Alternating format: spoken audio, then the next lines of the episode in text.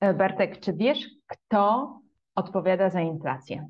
No, wydaje mi się, że czynniki makroekonomiczne i ceny energii. Nie, za inflację, zwłaszcza za inflację w handlu, odpowiadają producenci.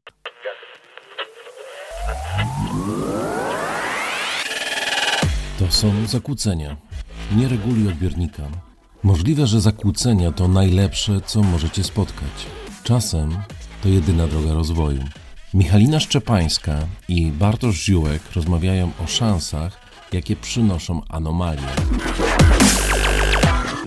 To nie moja teza, ale teza, którą wygłosił jakoś w wakacje 2022 roku szef zakupów w grupie Rewe. To jest taka bardzo duża grupa e, prowadząca sklepy pod szyldami Rewe, Penny czy Leckerland. I powiedział wprost, że to wina producentów, iż mamy taką inflację, jaką mamy, bo producenci próbują wykorzystać różne właśnie makroekonomiczne zmiany do tego, żeby znacznie bardziej podnieść ceny niż powinni. I mało tego, to na niemieckiego konsumenta próbują przerzucić rosnące koszty w innych krajach, to ten niemiecki biedny konsument ma płacić znacznie więcej niż wynika to z faktycznego wzrostu kosztów.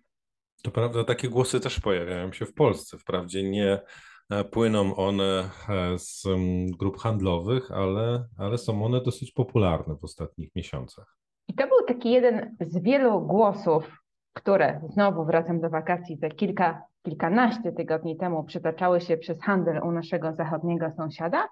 I handel reagował tamtejszy wprowadzając do mediów społecznościowych, do gazetek, do kampanii telewizyjnych, kampanii w mediach drukowanych reklamę porównawczą. To znaczy zaczął zestawiać produkty pod marką własną z odpowiednikami e, pod markami producentów, oczywiście pokazując ceny jednego i drugiego produktu i pokazując je wizualnie. To znaczy nie było często widać gramatury, nie było widać składu, no bo nie było na to przestrzeni. Uwagę przykuwała cena i nierzadko dość podobne opakowanie, a cena ta różniła się oczywiście znacząco. Znaczy produkty pod marką własną były nawet o połowę tańsze i to bywało podsumowane swego rodzaju claimem, że użyję tego pięknego polskiego słowa, mianowicie drogi konsumencie, po co masz przepłacać, skoro możesz kupić te same produkty, czy prawie podobne produkty o połowę taniej. Czuję, że za chwilę e, przeskoczymy o kilkaset kilometrów w lewo e, e, i ten trend zaczynamy też chyba obserwować na rodzimej ziemi. Zaczynamy obserwować, choć rzeczywiście z relatywnie dużym opóźnieniem. Na początku października Lidl w swojej gazetce rozpoczął kampanię Masz wybór. Kampania Masz wybór polega na tym, że zostawia, a na przykład Taki dżem truskawkowy, łowicz z dżemem truskawkowym pod swoją marką własną i ich ceny. To samo robi z kawą, z płatkami, e, z olejem, z tabletkami do zmywarki i z szeregiem innych produktów. I tu konwencja jest podobna. No wiadomo, że ceny produktów pod marką własną są znacząco niższe. Trwało to jeden tydzień, drugi tydzień, trzeci tydzień. A to jest zawsze tak, że jak robi coś Lidl, to Wszyscy patrzą, co zrobi Biedronka. Jak robi Biedronka, to wszyscy patrzą, a kiedy będzie odpowiedź Lidla. Mhm. No i otóż doczekaliśmy się odpowiedzi Biedronki, która jednak podeszła do tej reklamy porównawczej, no bo tak należy to nazwać, w nieco inny sposób, taki bardziej subtelny. To znaczy, strony w gazetce opatrzone są hasłem Zawsze wspieramy wybór naszych klientów. I pokazana jest marka własna, i marka producenta, a także podane, ile osób kupuje daną markę właśnie w Biedronce. I tak na przykład markę Ramsey w Biedronce kupuje ponad 1,1 milion klientów. To są dane pokazane w czasie e, za kawał października, a markę Lipton w Biedronce kupuje ponad 860 tysięcy klientów. To jest to subtelniejszy komunikat, choć nadal dokładnie ten sam przekaz. Tak, pod spodem są produkty i ich ceny, ale na dole jest jeszcze piękne jedno hasło. Kupując produkty marek, i tu właśnie wymienione jest m.in. Remzej i Lipton, nasi klienci zawsze dokonują mądrego wyboru. Czyli nie dość, że taniej, to jeszcze to jest miejsce, w którym można badać własną inteligencję. Tak. No i oczywiście, jak zawsze w takiej sytuacji, to chce zrobić dziennikarz. Chce usłyszeć od producentów, że zaraz spotkają się w sądzie z Biedronką czy Lidlem. Oczywiście to jest to, czego nigdy nie usłyszysz, ale zawsze o tym marzysz.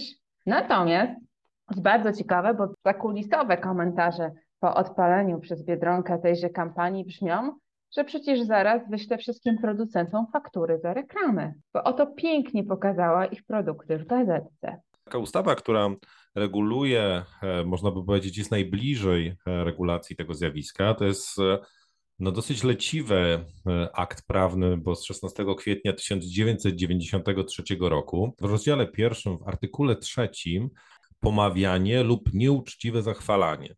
Wydaje się, że w prawie to właśnie ten, dokładnie ten zapis, to zdanie mogłoby być E, skuteczne, dlatego że nieuczciwe zachwalanie, e, choć też nadal bardzo otwarta taka, takie określenie, to jest coś, co faktycznie tutaj e, pod wieloma względami ma miejsce, czyli porównywanie jako identycznych produktów, które mają bardzo różne cechy.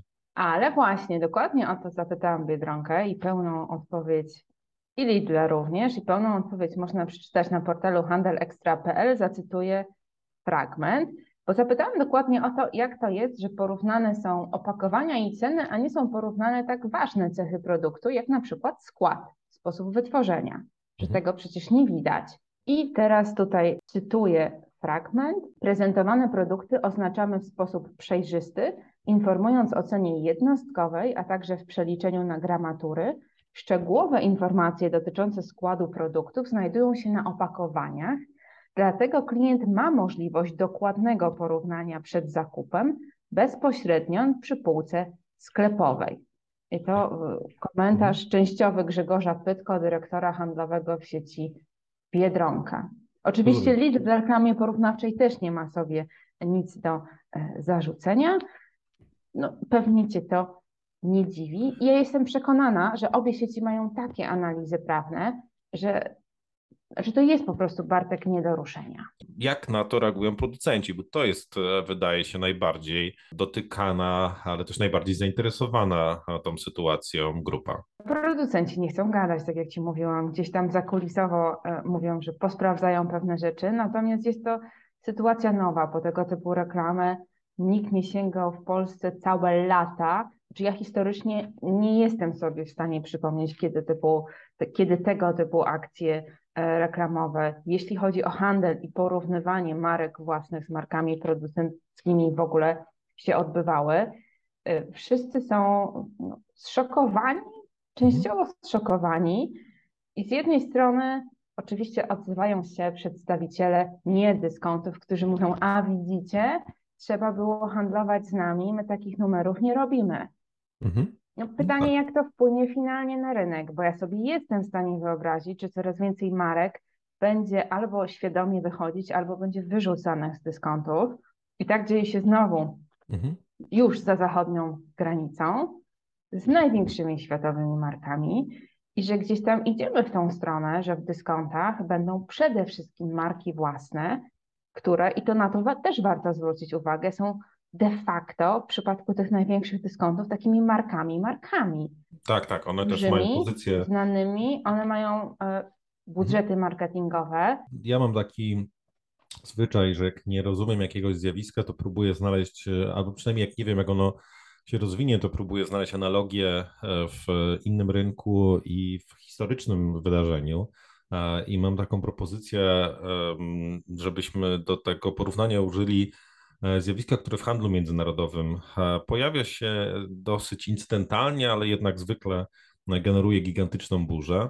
Mm, to jest taki moment podobny, dlatego że też wykorzystania superpozycji na rynku, którą niewątpliwie mają dyskonty dzisiaj, e, i wykorzystanie takiej pozycji czasami się zdarza w przypadku gigantów logistycznych.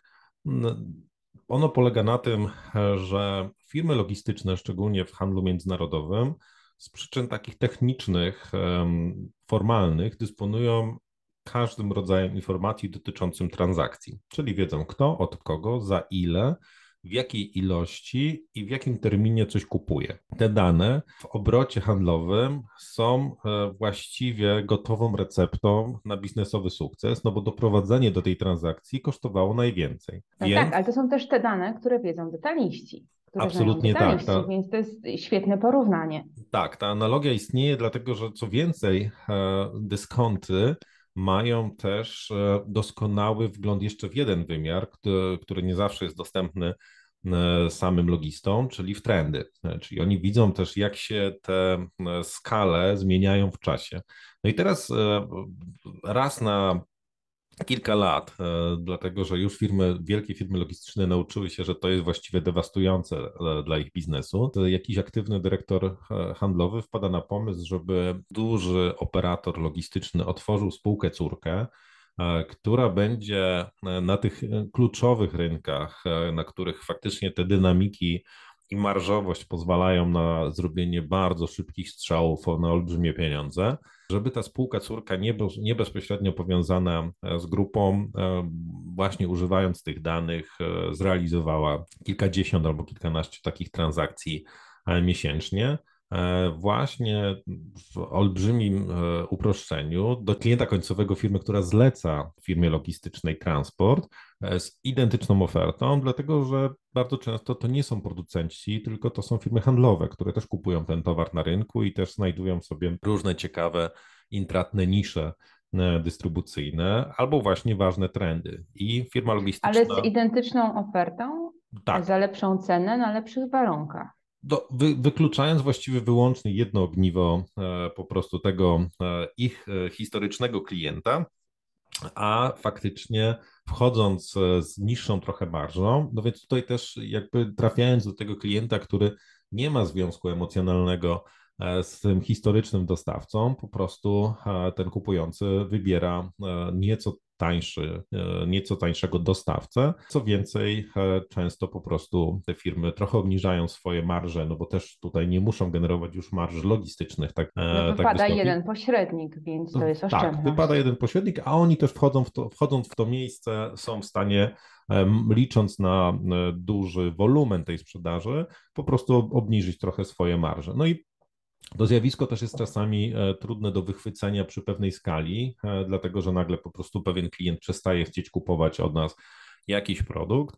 e, I bardzo szybko no, zdarza się, że, że jeśli to się dzieje w małej skali i te incydenty są takie zupełnie przypadkowe na, na mapie codziennego obrotu, to po prostu tego to łatwo jest przeoczyć. Natomiast kłopot polega na tym właśnie, na tym działaniu, które dzisiaj e, dzieje się w polskich i niemieckich dyskontach, że tu nie można mówić o małej skali. Tu właściwie dzisiaj jest jakiś, e, jakaś próba reorganizacji rynku. E, I w przypadku firm logistycznych, żeby pociągnąć tą analogię przez chwilę, kończy się to dosyć dramatycznie dla firm logistycznych, dlatego że te O, drodzy producenci, czy słyszycie tutaj te wspaniałe analogie, które przywołuje dla Was Bartek Ziółek? Tak, on się, one się ko- kończą tragicznie, dlatego że no, po stronie em, sprzedaży, nie, nawet nie dlatego, że, że nagle moralność spływa na wszystkich uczestników rynku i oni są wstrząśnięci działaniem tego logisty e, i e, rozpada się po prostu w rękach e, sprzedawców poczucie sprawiedliwości. E, To się nie dzieje niestety. E, Dzieje się trochę coś innego. E, Sprzedawcy i firmy handlowe mają no, wbudowane w swoją codzienność kompetencje do dywersyfikowania oferty i podążania z tą ofertą za trendami. I to jest taka umiejętność, która też po, pozwoliła im w pierwszym momencie w ogóle znaleźć tego klienta na tym Mhm. dalekim rynku. E, To oczywiście jest jeszcze ten trend i to zjawisko jest jeszcze mocniejsze w przypadku samego producenta, który w ogóle może tą ofertą modelować jeszcze i może też e, faktycznie dostosowywać produkty do aktualnych trendów na rynkach dalekich, tak? Czyli jest absolutnie normalne, że jest w Chinach niektóre że produkty są trochę bardziej słodkie i tak dalej, i tak dalej. Więc e, tego oczywiście firma logistyczna robiąca trochę taki skok na bank nie ma w swoim portfolio zachowań, co więcej, nie ma ludzi, którzy potrafią to robić. E, Mhm. I e, wydaje się, że dzisiaj tak no trochę ruletkowa gra, e, którą odpaliły dyskonty, może się szybko skończyć właśnie tym, że klienci zatęsknią za tym, żeby zaskakiwać ich e, tym, o czym kiedyś rozmawialiśmy, czyli innowacyjnością samych produktów e, w obrocie.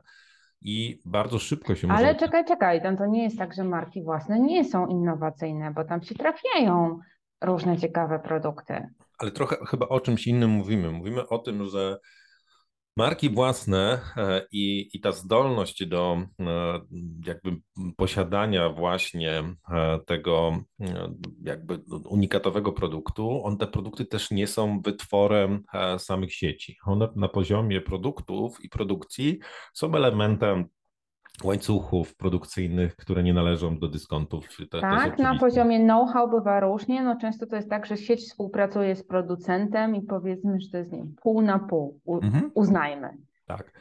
No i mm, wystarczy, e, nie tracąc wiele, jeśli producenci będą w jakiś sposób sprytni, e, to wystarczy, żeby nie tracić wiele, jeśli chodzi o aktualnie dziejące się kontrakty, po prostu faktycznie te najnowsze produkty i ich najnowsze wersje w nowym typie opakowania wprowadzać e, jako produkty produkowane właśnie dla e, dyskontów e, z wyraźnym opóźnieniem, tak, tak żeby faktycznie cała ta śmietanka związana z obecnością innowacyjnych produktów na rynku nie dotyczyła dyskontów.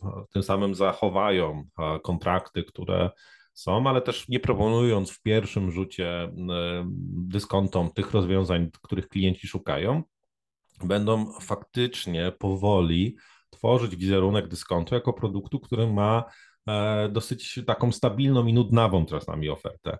E, I w firmach handlowych, takich międzynarodowych, e, faktycznie tutaj dzieją się raczej bardziej zdecydowane ruchy. Po prostu taka firma logistyczna wypada z ważnych kontraktów i co najważniejsze, nie dostarcza się jej nowych klientów, czyli bardzo długo ona jest na takiej czarnej liście, gdzie nie da się znaleźć w ich portfolio produktów, które są na nowych rynkach, które są w dużych ilościach, przede wszystkim produktów trendowych.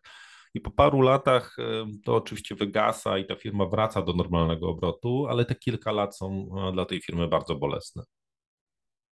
Ale to, o czym ty mówisz, wymaga pewnego rodzaju solidarności po stronie firm współpracujących z nią.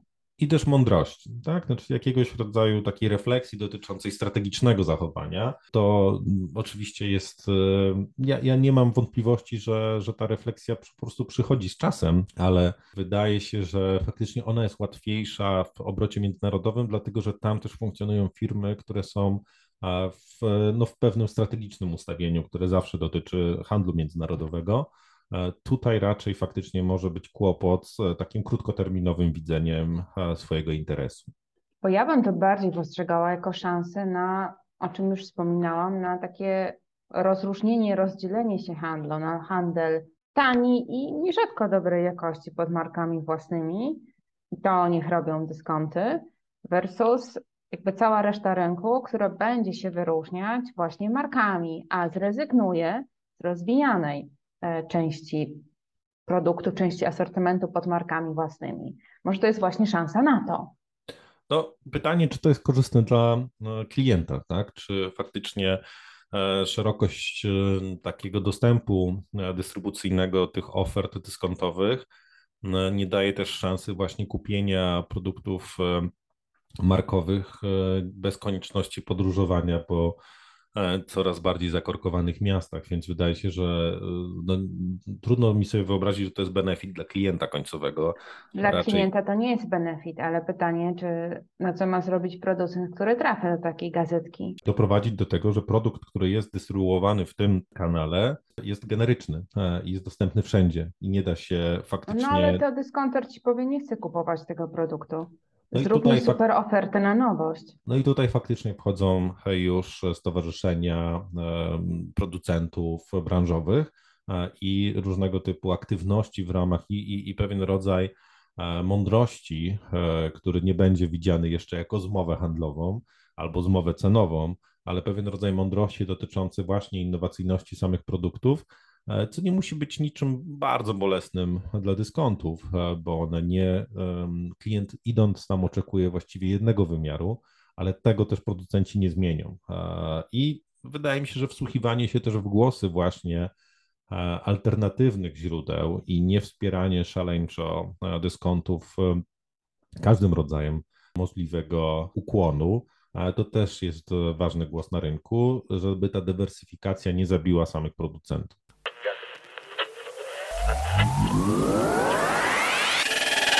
To są zakłócenia. Nie reguluj odbiornika. Możliwe, że zakłócenia to najlepsze, co możecie spotkać. Czasem to jedyna droga rozwoju. Michalina Szczepańska i Bartosz Ziółek rozmawiają o szansach, jakie przynoszą anomalie. Partnerami podcastu Zakłócenia są miesięcznik Handel i portal handelextra.pl.